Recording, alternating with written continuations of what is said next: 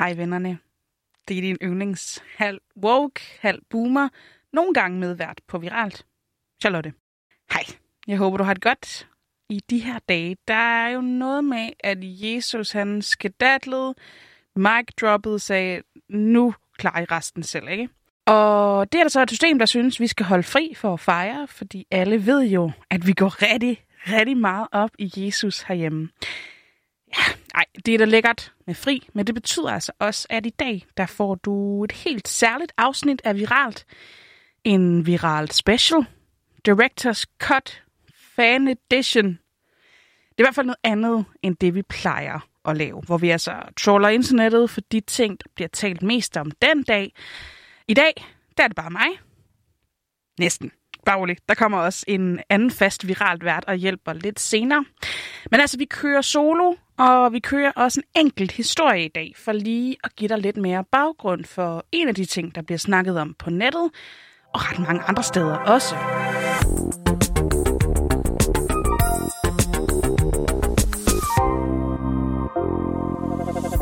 Det skal nemlig handle om kryptovaluta. Bitcoin, Ethereum, Dash, Zcash, Waves, Monero osv. osv. osv. Der er faktisk overraskende mange slags, det vidste jeg faktisk ikke helt. Men den, som Jonas Emil lige om lidt skal fortælle om, det er så en, der har fået ret meget omtale her på det seneste.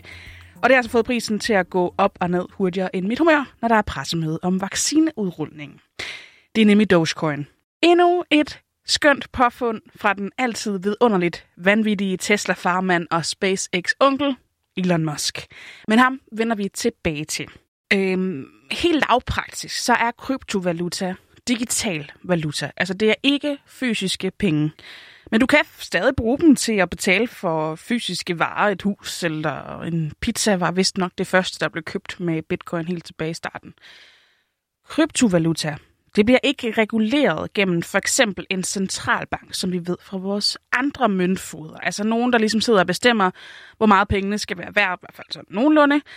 Øh, så det er altså lidt det vilde vesten, når det kommer til at bestemme, hvad en bitcoin er værd. For eksempel en bitcoin. Det bestemmer udbud og efterspørgsel. Og som vi skal høre om lidt, så bestemmer, hvad folk skriver på Twitter, også hvad værdien af de her kryptovaluta kan være.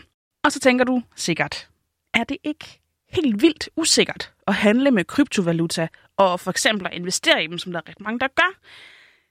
Både jo øh, men også nej. Det fortæller Jonas Emil Jacobsen mere om lige her. For lidt under en uge siden, der var grundlæggeren af Tesla Elon Musk vært på det amerikanske sketchshow Saturday Night Live. Selvom det mange gange før har skabt overskrifter, at en eller anden kendt person har haft sin debut i det legendariske show, så var den her omgang altså lidt anderledes. Det var nemlig første gang showet blev streamet internationalt på YouTube, og så var der altså også lige en masse millioner på spil.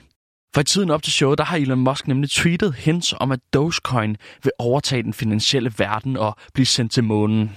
Kryptovalutaen Dogecoin blev ellers lavet som en joke tilbage i 2013, men logo efter et meme ment som en joke om, hvor meget folk var op at køre over bitcoins, var det aldrig meningen, at Dogecoin skulle finansiere en tur til månen.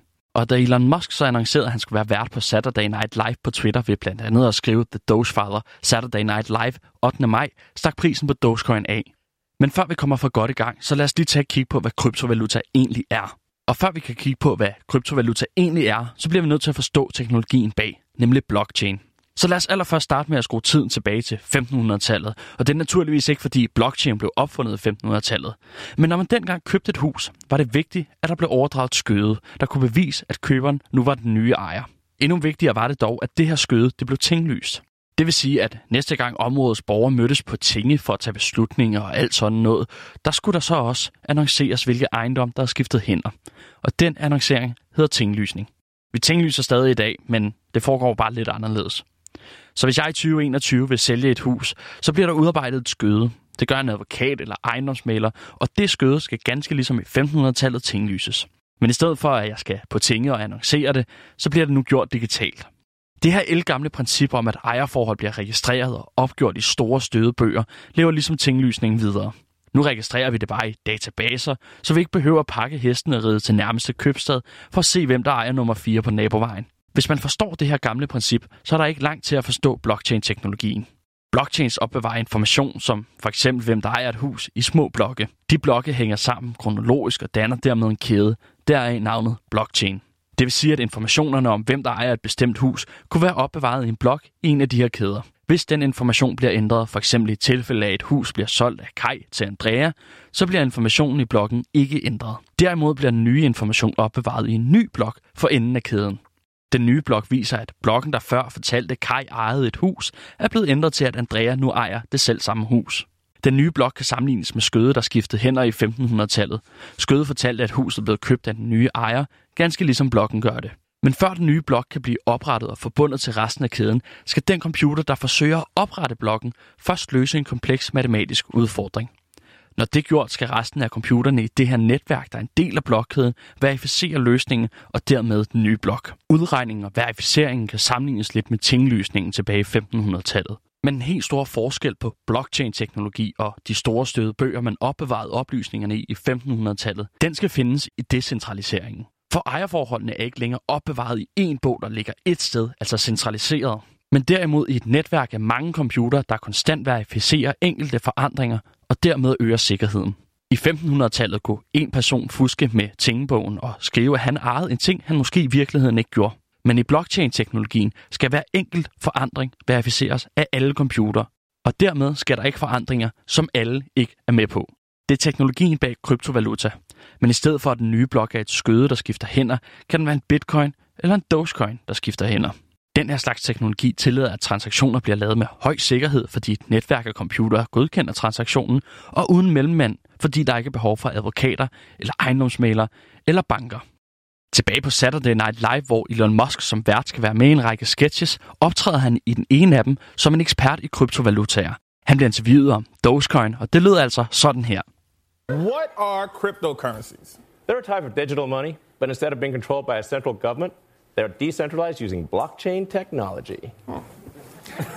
and lately, prices have been soaring for cryptos like Bitcoin, Ethereum, and especially Dogecoin. Oh, right. Now, what, what is Dogecoin? Well, it actually started as a joke based on an internet meme, but now it's taken off in a very real way. Okay, but what is Dogecoin? Sketchen fortsætter med, at Elon Musk, forklædt som ekspert, forklarer, hvad Dogecoin er på mange forskellige måder. Og til sidst i sketchen sagde han noget, der virkelig satte gang i handelsplatformene rundt om i verden. I, I get that, but uh, what is it, man? I keep telling you, it's a cryptocurrency you can trade for conventional money. Oh, so it's a hustle. Yeah, it's a hustle. Why didn't you say that, man? Doge father, everybody. It's a hustle. To the moon! Elon Musks sketch-indrømmelse om, at Dogecoin er svindel og humbug, fik priserne til at styrtdykke. Alle vil af med valutaen Elon Musk netop havde afsværet. Der gik dog ikke længe, før folk igen begyndte at købe stort ind af Dogecoin. Og mandag tweetede Elon Musk endnu en gang. Denne gang kunne han annoncere, at hans rumfartsselskab SpaceX næste år vil sende raket til månen, og missionen den vil blive betalt med Dogecoin. Så må ikke, hvis han en del mere til joken, der endte som en millionforretning. Øh, jeg bliver lidt meget træt i mit hoved, når jeg tænker på det her kryptovaluta-game. Jeg synes, det er kompliceret, og det er spændende. Det er også lidt vanvittigt. Og så skal vi lidt mere over i en skør, skør verdensstoffet. For intet verdensomspændende internetfænomen uden konspirationsteorier. Øhm, en af de største konspirationsteorier i den her genre, det er, at bitcoin rent faktisk blev skabt af NSA, altså det amerikanske National Security Agency.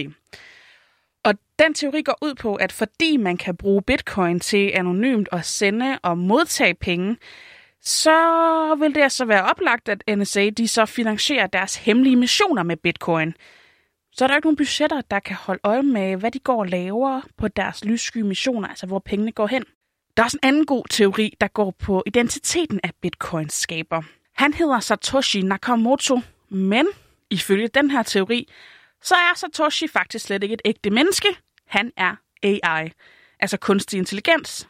Og den her kunstige intelligens skulle så være skabt af en eller anden form for regeringsmagt. Øhm, og selvfølgelig, som det er med øh, mange konspirationsteorier, så bliver det ikke mere specifikt end det. Der, der er ikke nogen forlydende om, hvilken regeringsmagt og til hvilket formål øh, de vil have til at lave ham her, Satoshi Nakamoto, øh, som et falsk menneske, som er en AI i virkeligheden.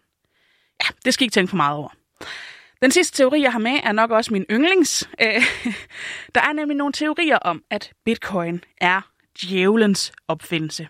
Den her kryptovaluta, den bliver nemlig koblet sammen med en passage i det nye testamente, der nævner noget med djævlen eller dyrets mærke, altså Mark of the Beast. Det er kapitel 13 i Johannes åbenbaring. Det handler altså om, at alle vil sætte et mærke på deres højre hånd eller på deres pande, øhm, altså det her dyrets mærke, fordi ingen kan købe eller sælge, undtagen den, der bærer dette mærke, som der står. Det er altså wild stuff, gutter. Men altså bemærk lige uh, disclaimer, at det her det er jo teorier, der er opfundet af nogle meget krøllede hjerner, så tag dem for det, de er. Underholdning. Men med det, der vil jeg sige tak for den her gang. Tak fordi du lyttede med til Viralt Special om kryptovaluta og Dogecoin.